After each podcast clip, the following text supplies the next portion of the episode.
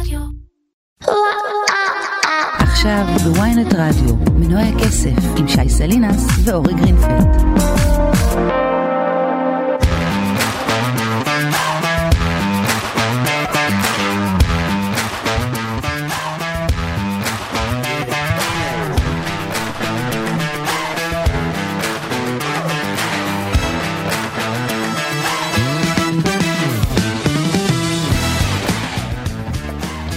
כשפוטין מגייס 300 אלף חיילים, הדולר מזנק. כשהבנק המרכזי של ארצות הברית מקפיץ שוב את הריבית, הדולר מזנק. כשהאינפלציה באירופה עולה, הדולר מזנק. לפעמים נדמה שגם כשלא קורה יותר מדי דברים משמעותיים, גם אז הדולר מזנק. מדד הדולר שהוא בעצם סל של המטבע האמריקאי מול מטבעות מובילים בעולם, קפץ מתחילת השנה ביותר מ-15 אחוזים, הכי הרבה מאז שהושק המדד ב-1985.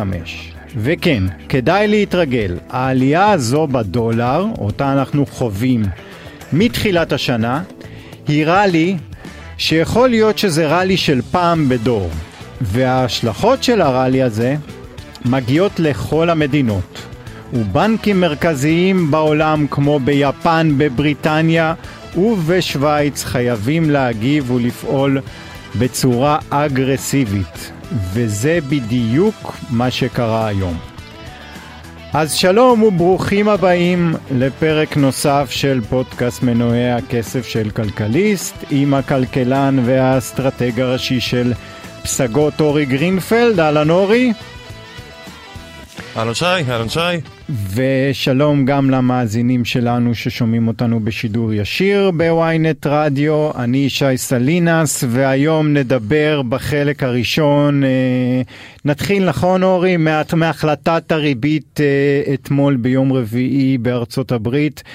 אה, היה שם, זה סיפור, זה בעצם מה שהניע את כל מה שקורה עכשיו בכלכלה, בשווקים. זה מה שמניע את הכל. או, תמיד אנחנו אומרים בשווקים, פוטין ואירוע כזה וטראמפ בזמנו, כל שני וחמישי היה איזה רעש איתו, תמיד יש רעשים, אבל בסופו של דבר האינדיקטור הכי חשוב לשווקים הפיננסיים זו הריבית בארצות הברית. כן. כי הרי הריבית היא אלטרנטיבה לשווקים, היום אם אתה מקבל על פיקדון 4.5 זה אומר משהו על הכדאיות השקעה בשווקים. והריבית של ארה"ב הכי חשובה כי ארה"ב היא הכי חשובה. כן, ו, אה, אבל אתה יודע, מה שיפה, מה, ש, מה שקרה השבוע וגם היום אה, אה, היו, אנחנו מקבלים הפתעות. זאת אומרת, יפן הפתיעה אותנו היום, אנחנו כמובן נדבר על זה בהרחבה כי זה סיפור מעניין מאוד מה שקורה ביפן. אה, הם הודיעו באופן, אה, אף אחד לא ציפה לזה, נכון? שהם מתערבים בשוק המטח, כאילו זה איזה שוק של, אה, לא כן, יודע. כן, זה היה באוויר, זה היה באוויר בשבוע וחצי האחרונים.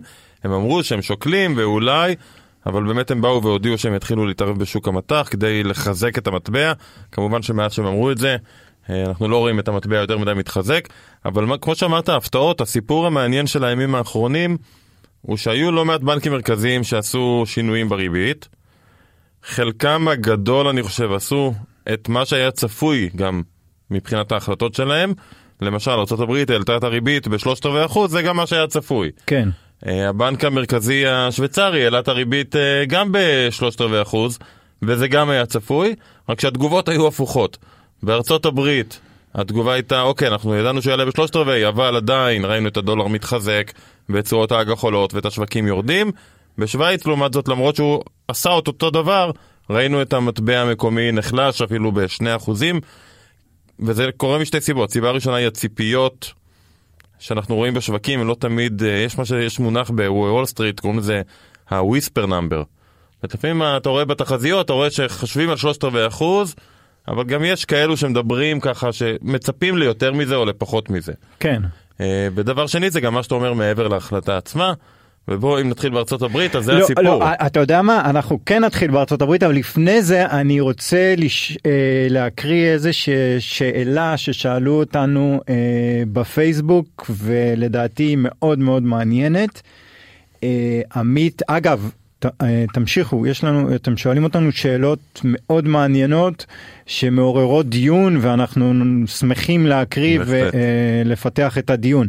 אז עמית דיין, הקבוצה שלנו עם מנועי הכסף מדברים כלכלה, ועמית דיין שואל אותנו, אה, כותב כך, הוא אומר, אה, אה, תרחיש אלטרנטיבי, ראש ממשלה כלשהו מבין שהעלאת הריבית תפגע מאוד באזרחים ובמדינה ולכן, ולכן מעדיף לצמצם נזקים. כחלופה לא יהיה עדיף לו, לראש הממשלה, להחליט על, על העלאת מיסים או צמצום הוצאות הממשלה, כך שסכום גדול יותר ישוריין להחזר חובות לבנק המרכזי. אה, אה, הוא עוד ממשיך, אבל, אבל אנחנו מבינים את הרעיון של השאלה שלו, נכון? הוא, הוא, הוא בעצם אומר דבר פשוט, הוא אומר, תקשיבו, מעלים ריבית כל הזמן, זה הרי המטרה היא, ואגב, גם זה ברור בארצות הברית, גם המטרה היא, כמו שאתה גם אומר את זה פרק אחרי פרק, לפגוע בכלכלה על מנת להילחם באינפלציה. כן, זו המטרה. אה, רק נעשה איזשהו חידוד לפני שניגע בשאלה עצמה. אה, החובות הן לא לבנק המרכזי. החוב של הממשלה הוא לציבור, לנו. אנחנו בעצם הלווינו לממשלה כסף, בעיקר דרך הפנסיה או הגמל, אבל גם אפשר לעשות את זה אה, בפרטי, בחשבון מנוהל. דווקא לבנק המרכזי אסור להלוות כסף לממשלה, זה חוק אי הדפסת כסף. אבל כן, השאלה היא נורא נכונה אה, במקום, כי יש שתי דרכים להשיג את אותה מטרה. אחת היא דרך הבנק המרכזי, העלאת ריבית, מה שנקרא מדיניות מוניטרית, מדיניות שעובדת דרך שוק הכסף, והדרך השנייה היא דרך הממשלה, מה שנקרא מדיניות פיסקלית, שבה הממשלה יכולה או להעלות מיסים, או לקצץ תקציבים, והיא בעצם משיגה בסופו של דבר את, אותו, את אותה מטרה של האטה במשק, אבל שלא נטעה, גם אם הממשלה מעלה מיסים או מקצצת תקציבים, זה מייצר מיתון. זאת אומרת, הכאב בסוף יהיה, אין דרך להתחמק מהכאב. למה בכל זאת עובדים דרך הבנק המרכזי? אני חושב שזה מגיע משלוש סיבות, שתיים הם, אה, בוא נגיד, אה, מדברים עליהם, על אחת פחות. קודם כל, הריבית הייתה אפסית. וכנראה אחת הסיבות המרכזיות למה שאנחנו רואים היום באינפלציה זה שבמשך שנים הריבית הייתה אפסית. אז על, קודם כל פנו לצד המוניטרי, כי באמת הריבית הייתה מאוד מאוד מאוד נמוכה. לכן זה גם ייצר את עליות המחירים המאוד מהירות בשוק הנדל"ן וכן הלאה. כי זה היה יותר נוח פשוט ללכת ברגע שהריבית אפסית, אפסית ללכת לצד הזה? כי אתה רוצה לפתור, אתה יודע, את המחלה, אתה רוצה לפתור אה, לא רק את הסימפטום, גם את הבעיה עצמה. אז אם הבעיה הייתה ריבית נמוכה מדי לאורך זמן, אתה רוצה להעלות ריבית. כן. זה גם בא לידי ביטוי, תחשוב על זה במונחים אפילו ענפיים. אם האינפלציה מגיעה למשל משוק הנדל"ן, אז מה זה יעזור? אז אוקיי, יעלו מס הכנסה על כולם או יעלו את המע"מ בצורה מאוד חזקה. אנשים גם כן יצרכו פחות, נשיג את אותה מטרה, אבל לא פתרנו את הבעיה של שוק הנדל"ן, שאתה יכול לקחת משכנתה בריבית יותר מדי נמוכה כנראה. אז פותרים את הבעיה דרך מה שיצר אותה בסופו של דבר. אז הריבית הייתה נמוכה, בוא נעלה אותה, וככה גם הטיפול נעשה באותם מקומות שייצרו את העליות האינפלציוניות הכי גבוהות, כמו למשל שוק הנדל"ן. אז זה דבר אחד. דבר שני, אה, זה שהכלי של הריבית הוא אמנם כלי לא חד, כי הוא משפיע על כל הכלכלה, אבל הוא גם אה, כלי שמאפשר בצורה אחת, לא צריך לעבוד יותר מדי, כדי לייצר מהלך שהוא באמת אה, לכל רוחב הכלכלה. אם אתה היית רוצה לעשות את זה דרך הממשלה, אז אוקיי, אז בואו נחשוב מה אפשר לעשות, בואו נעלה מס חברות, או כן. מע"מ, או מס אה, הכנסה, ואם מס הכנסה אז באיזה מדרגות מס אני מעלה את זה? כי לשכבות הנמוכות יותר קשה לעלות, בשכבות הגבוהות עוד יותר, כאילו יותר קל, אבל בעצם יותר קשה. אז הריבית הוא כלי, היא, היא כלי מאוד נוח במובן הזה. אתה מעלה ריבית, זה משפיע בצורה אחידה על כל המשק, מהצרכן, דרך המשקיעים, דרך הפירמות. זה כלי שהוא אה, נוח במובן הזה כדי לייצר האטה, ולא צריך להתחיל לחשוב יותר מדי איפה בדיוק אני רוצה לעלות מיסים. הדילמה הכי הכי מרכזית שיש לך זה בכמה לעלות ריבית ומתי, זהו. כאילו, בדיוק, זה כל בדיוק. הסיפור. אתה יודע שהעלאת ריבית בסוף תשיג את שלה, זה לוקח זמן, אבל זה בסוף ישיג אה, את המטרה. ותשיג אותה בצורה רוחבית, עכשיו לך תיכנס, אתה יודע, איזה מיסים אנחנו מעלים? מה, נעלה מע"מ מ-17 ל-25 אחוז? כן. כן, זה ישיג את המטרה, זה ייצר מיתון, אבל זו, כנראה שזה לא הסיפור. עכשיו, גם מיסים, לפעמים אתה מעלה, אחרי זה אתה צריך להוריד חזרה, אתה לא תשאיר את המס כל כך גבוה. עוד פעם, זה פשוט כלי יותר נוח. והסיפור השלישי זה פשוט, מה לעשות? פוליטית, אף אחד לא רוצה אף פעם להעלות מיסים או לקצץ תקציבים. להפך, הנה, תראה עכשיו כל ההפגנות שהיו, אה, ומה שהיה עם המורים. עכשיו אתה תבוא ותגיד למורים שהם מקבלים אה, הפחתת אה, שכר? כן, בגלל אח- שיש אינפלציה. בגלל שיש עכשיו הם, אינפלציה על כן. כולם, והם יגידו מה זה אשמתנו, את האנשים הלכו קנו דירות, אנחנו מורה לא, אין לה מספיק שכר בשביל לקנות אפילו, אתה יודע, את הארון לדירה. אז הצד הפוליטי תמיד הוא יותר מסובך, ולצד של הבנק המרכזי זה תמיד יותר קל. במקרה הנוכחי זה גם יותר נכון, כי בסוף האינפלציה הגיעה בגלל ריבית נמוכה מדי לאורך זמן. אוקיי. אה, יש עוד שאלה קצרה שאני כן רוצה להתעכב עליה, אבל גם התשובה מאוד תהיה קצרה. יאיר יוסף סעדיה שואל אותנו, אה, בזמן האחרון התחלתי לשמוע הרבה דברים לגבי הפנסיה שלי שכדאי לבדוק איפה היא מושקעת, באילו מניות. אשמח מאוד לדעת. אז דבר ראשון, הוא הרי, הוא, הוא, הוא לא יכול לדעת באיזה מניות הפנסיה שלו מושקעת. לא, באיזה מניות ספציפיות? יש דוח שאפשר להוציא בפיגור של, אה, שלושה חודשים, בכל קופת אה, פנסיה או גמל, מה שנקרא דוח נכס בודד, אתה יכול להוציא בפיגור מאוד גדול מה הם מחזיקים, אבל עד שתוציא את הדוח כבר יכול להיות שכל המניות ב- בקופה השתנו. זה גם לא באמת מעניין, בוא, אני לא, לא רוצה לא. לדעת כל מניה, מחזיקים עשרות מניות כנראה בכל קופת גמל, אם לא יותר, תלוי בגוף. הדבר הזה, זה ההתנהלות הנכונה, זה מה שחשוב. ב- בוודאי, ולגבי התנהלות הנכונה, אני חייב להגיד לך שקראתי השבוע ספר שהוציא אה, מישהו שיש לו פודקאסט אה, אה, מקביל אלינו, אפשר להגיד, שאול אמסטרדמסקי. אנחנו ו- אה, מקדמים אותו? לא, לא, אוקיי. מה, א', למה לא? יאללה, בסדר. ב', אה, אה, שאול כותב בצורה ברורה מאוד, אתם רוצים על צרכנות פיננסית אישית, לכו תשקיעו את המחיר שעולה הספר, זה יעזור לכם אה, אה, בחיים. עכשיו, אה, בואו נחזור רגע ל... אה, ל- לארצות הברית, מה היה אתמול? אנחנו מדברים על אה, העלאה ריבית שלישית ברציפות של שלושת רבעי אחוז בכלכלה הכי גדולה בעולם. ואתה יודע מה? ראיתי אתמול את המסיבת עיתונאים של אה, אה, פאוול. ומה שהיה לי בולט מאוד, אתה יודע, ראיתי את זה כזה בחצי מסך עם, ה, עם הנאום שלו, וחצי מסך היה את ה, מה המדדים עושים, והמדדים השתגעו. זה התחיל מירידות חדות, עבר לעליות חדות, עבר לללא שינוי. באמת חוסר אה, אה, כזה, תנודתיות כזו, אני לא זוכר מתי היה, והוא לא אמר שום דבר דרמטי. טוב, ההחלטה עצמה הייתה החלטה דרמטית. אה, במיוחד אחרי הנאום בג'קסון הול, שהוא בא ואמר פעם ראשונה, הבנו, אנחנו לוקחים את המשק למיתון, פעם ראשונה שהפד מודה בזה, ודיברנו על זה. אה, אז המסיבה, המסיבת עיתונאים וההחלטה הייתה החלטה כשלעצמה דרמטית. נכון שפאוול הוא לא שיא הכריזמה, וגם הרבה פעמים הוא מנסה ללכת בין הטיפות, אבל הוא כן אמר דברים, בסוף, אני חושב במסיבת עיתונאים, תכף נגיע לתחזיות של הפד קדימה, אבל הם, הוא כן אמר דברים, אני חושב שהם סופר מהותיים ב, ו, ומשדרים דברים מאוד ברורים לשוק. תראה, פאוול קודם כל אמר, אנחנו כבר מרגישים שיש פגיעה בכלכלה, שזה חדש, עד, עד לא מזמן הם בכלל אמרו שהם מקווים שלא תהיה פגיעה. עכשיו אומרים כבר יש פגיעה, וזה בגללנו. זאת אומרת, הוא גם אומר, זה בגלל ההשפעה של העלאות הריבית. הוא אומר שכרגע זה בעיקר עדיין פסיכולוגי, זאת אומרת בגלל שאנשים יודעים שהריבית עולה, אז הם לרגע עוצרים, מהדקים חגורות וכן הלאה. ואת ההשפעה האמיתית אנחנו נראה רק בעוד שלושה רבעונים בערך. זאת אומרת, פאול בא ואומר, לא רק שאנחנו כבר במיתון, זה ימשיך ויוחמר קדימה, שזו חתיכת אמירה לבנק מרכזי, שתמיד מנסה ללכת לטיפות ולהגיד, אנחנו לא נזיק, אנחנו נשתדל לעשות את הדברים כמה שיותר בעדינות. הוא בא ואומר, אנחנו הכנסנו את המשק למיתון, וזה עוד ימשיך ויהיה רע יותר קדימה.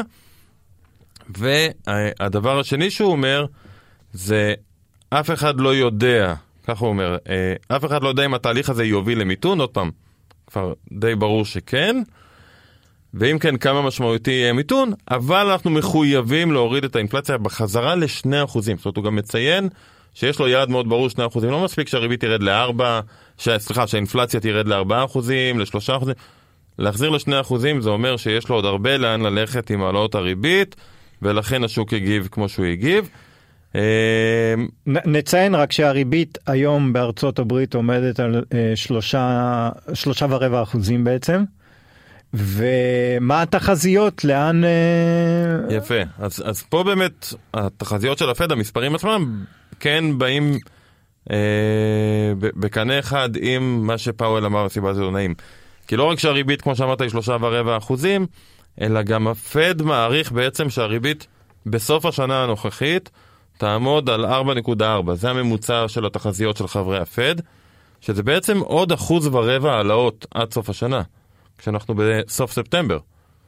אז כן. זה אומר עוד פגישה אחת, עוד שלושת רבעי, ואז עוד פגישה אחת של חצי. כן, זה, זה כבר כאילו בנתונים.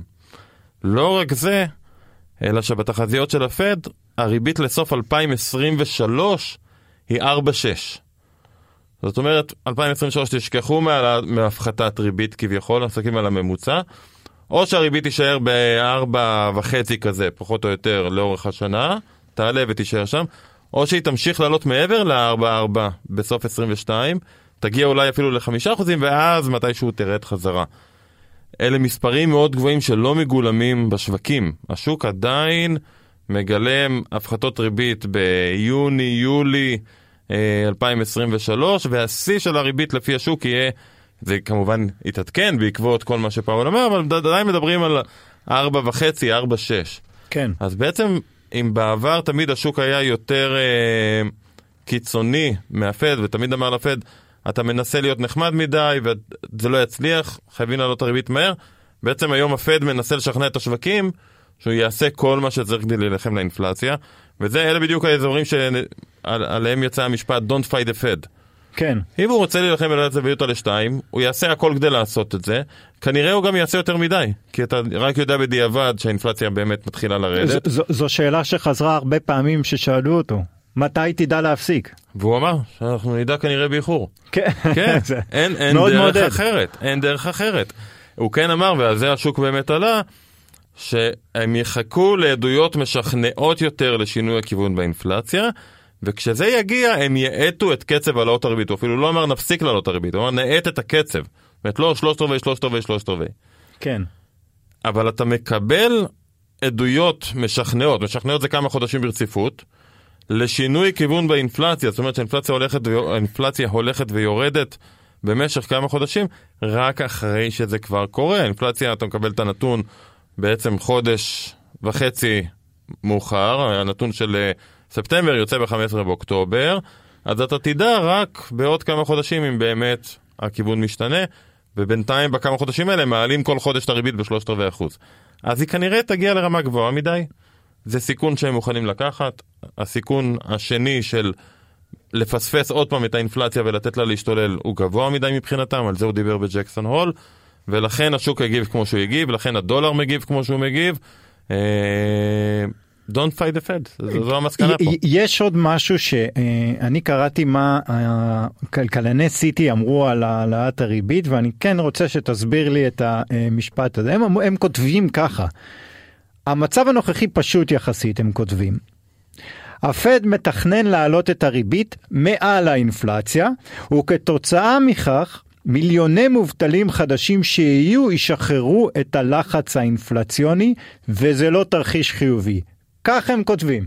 כן, מה שהם בעצם אומרים זה מה שגם דיברנו עליו אה, ב- בשיחה עם, אה, עם צבי אקשטיין. המטרה של הבנק המרכזי, של הפד, גם של בנק ישראל אגב, גם בנק ישראל אומר אותו דבר, היא להביא את הריבית הריאלית לרמה חיובית. הריבית הריאלית זה בעצם הריבית, פחות האינפלציה. המטרה של ריבית ריאלית זה בעצם כמה אני באמת מרוויח על זה שאני חוסך כסף. שנתי, אנחנו מדברים אנחנו במונחים מדברים אה, במונחים שנתיים. שנתיים. אם כן. נגיד הריבית היא 4 אחוזים, אז אני שם 100 שקל, בסוף שנה יש לי 104. אבל אם האינפלציה הייתה 5 אחוזים, אז ב-104 שקל האלה אני עדיין יכול לקנות פחות ממה שיכולתי לקנות קודם לכן עם 100 שקל. אז אנחנו רוצים, מה שהבנקים המרכזיים רוצים זה ריבית ריאלית חיובית, או במילים אחרות שהריבית תהיה גבוהה יותר מהשינוי השנתי באינפלציה. עכשיו, והחלק של האינפלציה. בארצות הברית היא 8. זה לא שהם מתכננים שהריבית תגיע לשמונה, כי הם מניחים שהאינפלציה תתחיל לרדת, כמו שדיברנו לא מעט, מצד ההיצע, ומחירי השינוע כבר יורדים בחדות, ומחירי הרכבים מתחילים לרדת. אז הם מניחים שהאינפלציה, אגב, בתחזיות שלהם האינפלציה בסוף השנה הזו, כן, בעוד שלושה חודשים, היא ארבעה וחצי אחוזים. על כמה אנחנו היום? אנחנו מעל שמונה אחוזים. כן. ואתם מניחים לא רק ירידה, הם מניחים ירידה מהירה באינפלציה בחודשים הקרובים, ואגב, זו תחזית סבירה. לא יודע אם ארבע וחצי, אולי זה יהיה יותר לכיוון החמישה אחוזים, אבל הם מניחים שהאינפלציה תרד, והריבית תעלה, והרעיון הוא שהריבית תעקוף. אבל, ופה הבעיה היחידה שיש לי עם התחזיות שלהם, אין ספק שמהלך כזה מחזק בעצם את הפגיעה בכלכלה, אם זה בצרכנים, אם זה בעסקים, ואז עסקים נאלצים להתחיל לפטר עובדים. וכמו שכלכלני צידי אמרו, זה, אלה לא חדשות טובות לצרכן, אלה לא חדשות טובות לפירמות, אם הריבית הריאלית תהיה חיובית. ופה, בתחזיות של הפד, אנחנו רואים את האבטלה בארצות הברית, שהיום היא עדיין נמוכה, סביב השלושה וחצי אחוזים, גם בסוף 2023 היא רק על 4.4. שזה נשמע, לי זה נשמע עדיין תחזית נמוכה מדי. אם הוא קצת מתכוון יומרני לעשות... אתה אומר, יכול להיות שהם קצת... אה, פה אני חושב שהם כן משתדלים אה, עדיין ל- ל- לייפות את התחזיות שלהם. בסוף זה הבנק המרכזי, איך אתה יכול לעשות, אני מבין איך אתה יכול לעשות תחזית לכמה נראה לך שהריבית תהיה, אבל, אבל האבטלה? זה לא, זה אפילו יותר מסובך. כי אני ככלכלן חיצוני, אני יכול לעשות תחזית למה תהיה האבטלה, אתה יודע, על סמך כל מיני אינדיקטורים אחרים, בונה מודלים סטטיסטיים, אקונומטריים, מעריך אם הריבית תהיה פה והאינפלציה תהיה פה והצמיחה תהיה כזאת, ולא משנה מה, כל, כל האינדיקטורים שאני מכניס למודל, יוצא לי אבטלה בחמישה אחוזים. הפד בונה את התחזיות שלו על סמך גם הערכה שהוא יעשה מה שהוא מתכוון לעשות. זאת אומרת, זה לא רק שהוא שם את האינדיקטורים, הוא גם מניח מראש שהוא ישיג את המטרה של עצמו. כן. אז התחזיות שהן מאוד יותר, ולכן התחזיות פה הן יותר, הרבה פעמים wishful thinking מאשר תחזית סטטיסטית אמיתית. ופה אני חושב שקשה ל- ל- לאנשים בפד, מי שנותן תחזיות אלה 17 חברי ההנהלה של הפד, הוועדה המוניטרית וההנהלה, וקשה להם לבוא ולהגיד לציבור, תקשיבו, אנחנו עושים מה שאנחנו עושים, וכנראה אנחנו נראה חמישה אחוזי אבטלה. כי זה מיליוני אנשים שמאבדים את מקום העבודה שלהם, כן. והם כנראה לא רוצים לצאת ככה אה, לתקשורת. אנחנו עכשיו אה, אה, עוזבים טיפה את ארצות הברית, אבל לגמרי באותו הקשר, והיום אה, אורי, הבנק המרכזי של אה, בריטניה, מעלה שוב את הריבית, והופתענו? אז פה הופתענו אולי לצד השני, כי אה, העלאת ריבית בסופו של דבר הייתה בחצי אחוז. אוקיי. אה, כמו שרוב החזאים העריכו, לרמה אגב של שניים ורבע אחוזים, אבל השוק כן גילם הסתברות של יותר מ-60 אחוז למהלך של שלושת רבעי אחוז. זאת אומרת, בסוף אם היית עושה איזושהי אה, תחזית שהיא תחזית של הסתברויות, אז היה צפוי שהוא יעלה בשלושת רבעי אחוז, הוא עולה רק בחצי אחוז, אז דווקא הבנק המרכזי האנגלי עושה פחות ממה שציפו ממנו, שזה קצת מפתיע, כי כולם רוצים כרגע בתקופה הזו להפתיע כלפי מעלה, לאותת שהם נורא נורא נחושים. מה שכן הם עשו, שזה היה די מפתיע, אה, ומהווה פה אולי אפילו, אה, אפשר להגיד, תקדים אולי למדינות אחרות. הם הודיעו שהם מתחילים למכור באופן אקטיבי את אותן אגרות חוב ממשלתיות שהם קנו במהלך השנים האחרונות. בבריטניה זה בעיקר אה, מאחרי אה, הקורונה, אה, וזה זה מהלך אקטיבי, זאת אומרת, זה לבוא ולמכור אגרות חוב, בואו רק נבין את המשמעות. בנק מרכזי שמחזיק המון אגרות חוב, בא לשוק ומוכר אותן, והוא מחויב למכור, בגדול כשהוא מודיע על תוכנית כזו. כשמישהו, אתה יודע שהוא חייב למכור, מה אתה עושה? אני אה, קונה. אתה קונה במחיר נמוך נכון. כנראה. זאת אומרת, יבוא השוק ויגיד לו, תוריד, תוריד, תוריד את המחיר.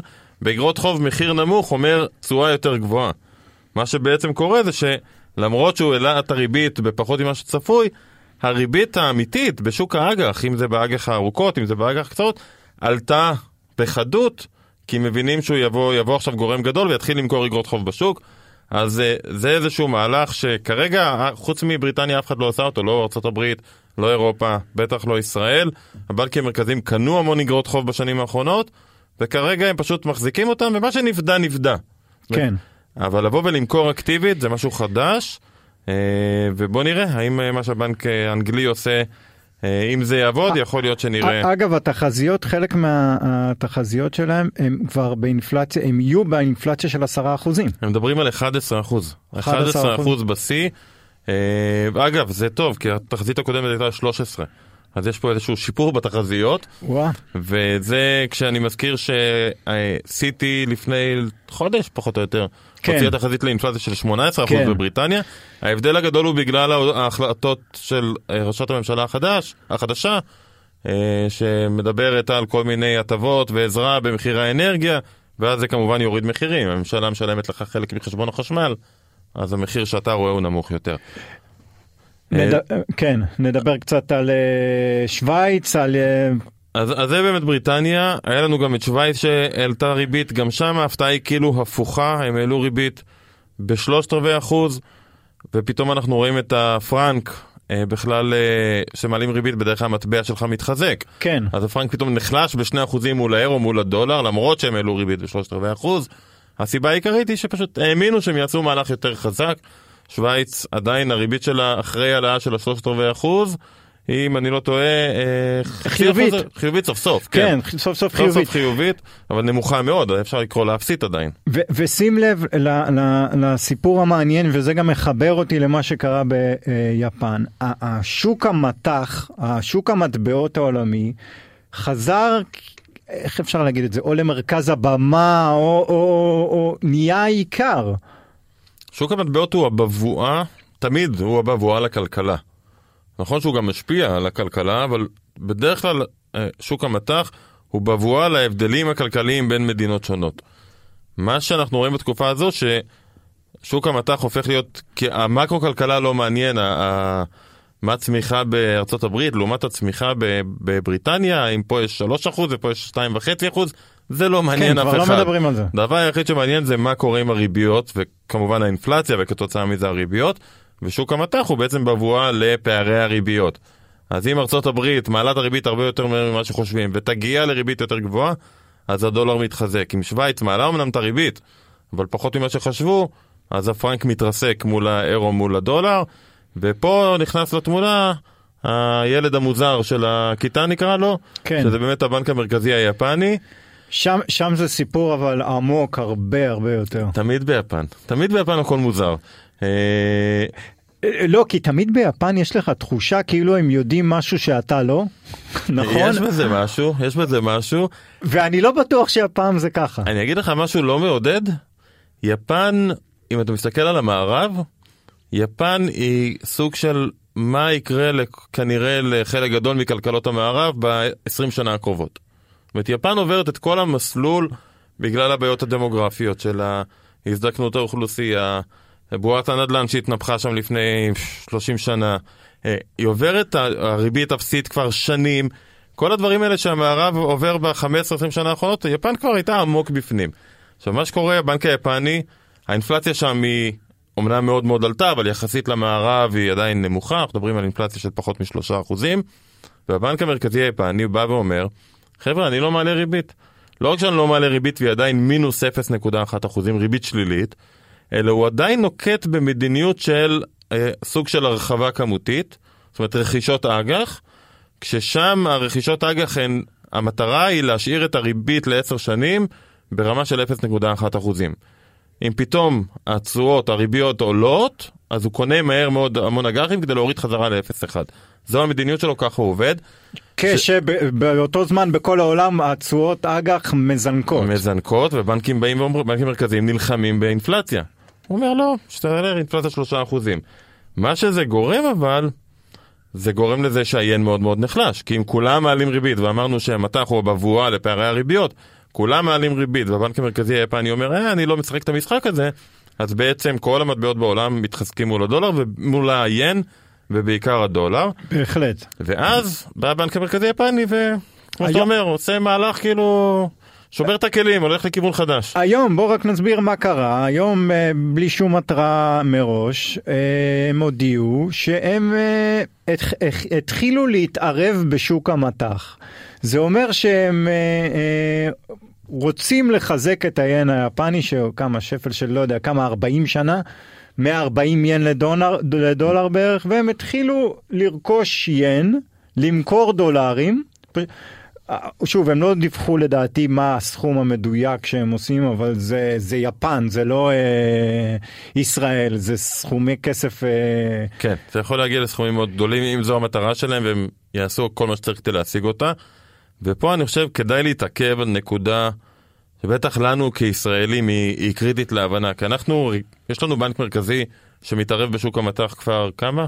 14 שנה. כן, למרות שלחודשים האחרונים הוא לא. בסדר, אבל אנחנו רגילים לחשוב, מי שמתעניין קצת בכלכלה וקורא עיתונים ב-14 שנה האחרונות, חושב שזה הגיוני שבנק מרכזי אה, מתערב בשוק המטח. ואפשר להתווכח אם זה הגיוני או לא הגיוני, והאם בנק מרכזי בכלל אמור להתערב, אבל מעבר לוויכוח הזה, יש הבדל קריטי, מהותי, בין מה שבנק ישראל עשה, לבין מה שהבנק המרכזי היפני עושה. למה? כי בנק ישראל ניסה להחליש את השקל. השקל היה חזק מדי מבחינתו. אם הוא רוצה להחליש את השקל, הוא צריך לקנות דולרים, נכון? הזמן הוא קנה דולרים. כן. עכשיו, לקנות דולרים, בגדול בנק ישראל, כמה דולרים הוא יכול לקנות? אין סוף. כן. הרי כדי לקנות דולרים הוא צריך שקלים. כמה שקלים יש? לבנק ישראל יש מדפסת. כל עוד יש דיו, אז יש, יש שקלים, ואז זה יכול לקנות דולרים. דיו ו... וירטואלי. וזה כמובן כן, דיו זה... וירטואלי, אז כן. זה חסר משמעות. ולכן תאורטית, לח... לח... סליחה, להחליש את המטבע שלך, את המטבע המקומי, אתה יכול לעשות לעד, אין בזה שום בעיה, חוץ מזה שאתה פשוט מדפיס את המטבע שלך ומתישהו זה מייצר אינפלציה, אופס, מה לעשות. הצד השני, מה שהבנק המרכזי היפני עושה, הוא סיפור אחר לגמרי, כי הוא בעצם קונה ינים, הוא קונה את המטבע שלו. איך הוא קונה את המטבע שלו? יש לו בעזרת דולרים, אבל הוא לא מדפיס דולרים, אין לו אין סוף דולרים. הוא משתמש במה שנקרא רזרבות המטח שלו. עכשיו רזרבות, כשמן כן הן, כל עוד יש לך זה אחלה. מתישהו אם אתה ממשיך וממשיך וממשיך וממשיך ולא מעלה ריבית והאינפלציה מתחזקת והמטבע נחלש ואתה מנסה עוד פעם לקנות ועוד פעם הרזרבות האלה הולכות ולאט לאט יורדות ויורדות ויורדות ויורדות ומגיע, יכול, עלול להגיע שלב שבו השווקים באים, באים ואומרים רגע תראו כבר לא נשאר להם הרבה רזרבות מה שאנחנו נעשה עכשיו אנחנו נמכור ינים כן. ואו-טו-טו אנחנו קונים אותם חזרה במחיר נמוך יותר, כי אנחנו בעצם נלחמים בבנק המרכזי. כל ין שהוא רוצה בעצם אה, לקנות, אנחנו נמכור לו. וזה תהליך שמתישהו עלול לקרות מצב שבעצם מאבדים אמון, כי מבינים שיגמרו לו הרזרבות, ואם ייגמרו הרזרבות והוא לא מסוגל כבר להגן על המטבע, אז אנחנו נראה את המטבע קורס. זה ממש אובדן אמון בבנק המרכזי. זה קורה הרבה פעמים במשקים לא מפותחים. אה, זה קרה פעם אחת שאני זוכר במשק מפותח, הסיפור המפורסם של הבנק המרכזי האנגלי אה, נגד סורוס, שפשוט הבין לאן דברים הולכים וניסה להילחם בבנק המרכזי האנגלי וניצח. פשוט הזמין אותו לדו קרב מי ישבר קודם, ובסוף נגמרו הרזרבות. והבנק המרכזי הפסיד.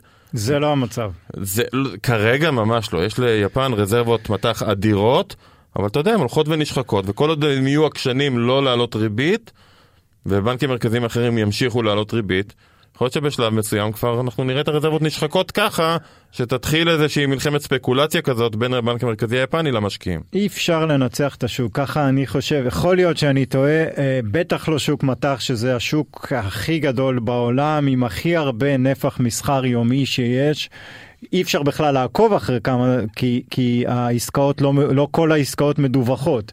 אבל נורא קשה להילחם בשוק הזה, והם מתעקשים לעשות את זה. תשמע, אחד הניסויים. כן, אה, מילה אחרונה לפני שנעבור. אה, בנק מרכזי יכול או להחליט מה הריבית, או להחליט מה המטבע, מה השער חליפין, או להחליט מה תהיה האינפלציה. המשולש הזה, על אחד מהם אתה חייב לוותר. אם אתה רוצה לשמור על אינפלציה של 2%, אתה יכול להחליט על הריבית, אבל אז השער חליפין הוא חופשי לגמרי. או שאתה רוצה להחליט על שער חליפין, אז האינפלציה תהיה חופשית לגמרי ואין לך שום דרך להשפיע עליה. אי אפשר להחזיק את שלושת הכדורים האלה באוויר. ההיסטוריה מראה שזה בלתי אפשרי, ובוא נראה, אה, אם הפעם זה יצליח, אתה יודע, היפנים מצליחים הרבה דברים שאנחנו כאמור, לא... כאמור, לא יכול לא... להיות שיש כן, דברים שהם יודעים בדיוק. ואנחנו לא. טוב, אנחנו נעבור לחלק האחרון, הדבר המוטרף שקרה השבוע. ואולי לא שמתם אליו לב, אתה רוצה להתחיל? אני אשמח. אני הבאתי את הדבר הכמעט מוטרף שקרה השבוע, וזה שמדינת קולרדו היא המדינה האמריקאית הראשונה שמוכנה לקבל תשלומי מיסים בביטקוין. כן, כן, הטיעון שלי במשך שנים, מ-2016, אם אני לא טועה, אני כותב על זה, שלעולם לא יקרה שהממשלות יסכימו לקבל את המיסים שלהם בביטקוין, כי זה בעצם אה, לוותר על הדבר היחיד שיש להם, שאין לאף אחד אחר, וזה המטבע שלהם. הטיעון הזה לרגע, מול העיניים שלי, שקראתי את הכותרת, אה, נעלם, והבנתי שכל החיים טעיתי, אבל אז ירדתי מתחת לרמת הכותרת, וגיליתי שבסוף אני כנראה עדיין צודק. אה, קולרדו מוכנה לקבל את תשלום המיסים העירוניים אה, בביטקוין, אבל החישוב הוא עדיין בדולרים. הם מצהירים שהם לא יחזיקו את הביטקוין, זאת אומרת, לא, לא יהיה לקולרדו קופה של ביטקוינים, אתה יכול לשלם בביטקוין, אבל אתה מוסיף גם עוד אה, אחוז 83 על כמה שאתה צריך לשלם, ועוד איזשהו סכום קבוע. כדי בעצם שהם יוכלו אחרי ששילמת בביטקוין באותו הרגע גם להמיר את זה לדולרים ועדיין לקבל את המיסים שלהם בדולרים. אז זה יותר אפליקציה להעברת כסף כן. מאשר באמת מטבע. הם מאפשרים לך לשלם בביטקוין, רק תשלם גם על ההמרה, כדי שאנחנו נקבל את הכסף שלנו בסוף עדיין בדולרים. אז הביטקוין עוד לא מחליף את הדולר. נורא ליברלים הוא... אה, בקולורדו, נכון? הם גם היו הראשונים עם ה... פשוט קר שם מדי בשביל אה, להתעקש על דברים. כן, לגמרי. אה, טוב, אני אקח אותך, אחזיר אותך לבריטניה. אחד הניסויים הכי מעניינים שקורים עכשיו בשוק העבודה זה המעבר לאפשרות של ארבעה ימי עבודה בשבוע. ופורסמו תוצאות השבוע מפיילוט ש, של ארבעה ימי עבודה שבוצע ב-70 חברות בבריטניה שמעסיקות בסך הכל מעל 3,000 עובדים. ואלו הם התוצאות. 78% מהמנהלים אמרו שהמעבר היה חלק וללא בעיות מיוחדות. זה מבחינה טכנית. רק שני אחוזים היו, אמרו שהמעבר היה מאתגר. שוב, זה, זה, זה מכליל נורא, יש כמובן חברות שיותר קל, חברות שפחות, אבל זה בגדול הסקר. 86 אה, אחוז אמרו שימשיכו במתכונת ארבעה ימי עבודה גם אחרי שהסתיים הפיילוט בנובמבר. 49 אחוז אמרו שהיעילות בחברה עלתה, 46 אמרו שהיא נשארה אותו דבר. נתונים לדעתי מדהימים. ובשורה התחתונה 88 אחוזים טענו שזה בסך הכל עובד טוב, ואתה יודע מה? אה, זה מעניין. זה מעניין כי קשה לך, לא קשה, אבל בסוף כשאתה חושב על יעילות, במובן של כל עובד שלי, כמה הוא מצליח לייצר. אם הוא עובד הרבה ימים ולא חמישה ימים, הוא אמור לייצר לך פחות. עכשיו, אם הוא מצליח לייצר יותר ממה שהוא ייצר בחמישה ימים, זה אומר שהעבודה הייתה סופר לא יעילה במשך המון המון זמן. זה מזכיר לי פעם, אה, אחד העובדים אצלנו ש... אה, בא אליי טעון איזה יום, ואמר לי, אתם לא מבינים, אני מגיע לפה ימי שישי, ואני עושה, וזה יותר מדי עבודה. תקשיב, אם אתה בא בימי שישי, אל תבוא יותר בימי שישי. אם אתה בא בימי שישי, כי אתה צריך לסיים את המשימות של השבוע, כנראה שבראשון עד חמישי אתה לא עובד מספיק, בצורה יעילה. אפשר לעשות את הכל בצורה יעילה, ובהינתן כמובן שאתם מקבלים משימות הגיוניות ולא זורקים כן. עליך מיליון דברים, אה, להגיד ששבוע עבודה של ארבעה ימים הופך את המשרד או מפעל ליותר יעיל, זו אמירה נורא נורא חזקה. וואי, זה נושא מאוד מאוד מורכב, גם יש את העניין שאם אתה לא עובד את היום החמישי, אז יכול להיות שהכלכלה רק מרוויחה מזה, כי הרי מה אתה עושה ביום החמישי הזה? אתה מבזבז כסף. לא, ברמת המקרו אני מבין, אבל להגיד על מפעל, עוד פעם, תחשוב, כל עובד מייצר היום 100 שקל לשבוע. עכשיו בארבעה ימים הוא ייצר לי 120 שקלים לשבוע? כנראה משהו לא עבד טוב קודם. זה, זה אין ספק. עוד פעם, אני לא יודע איך בדיוק מדדו במחקר, אבל... אם היעילות פר עובד גדלה, אז משהו מוזר קורה פה. ורגע, רק נקודה אחרונה, פעם עבדו שישה ימים בשבוע ועברו לחמישה ימים, איפה עובר הגבול? אז זהו, זו הייתה השאלה שלי הבאה באמת. נגיד וזה עובר וזה עוד 20 שנה יעשו ניסויים במעבר לשלושה ימי עבודה? יכול להיות. יכול להיות. כן. והרובוטים בינתיים יחליפו אותנו גם בשאר הדברים. בשמחה.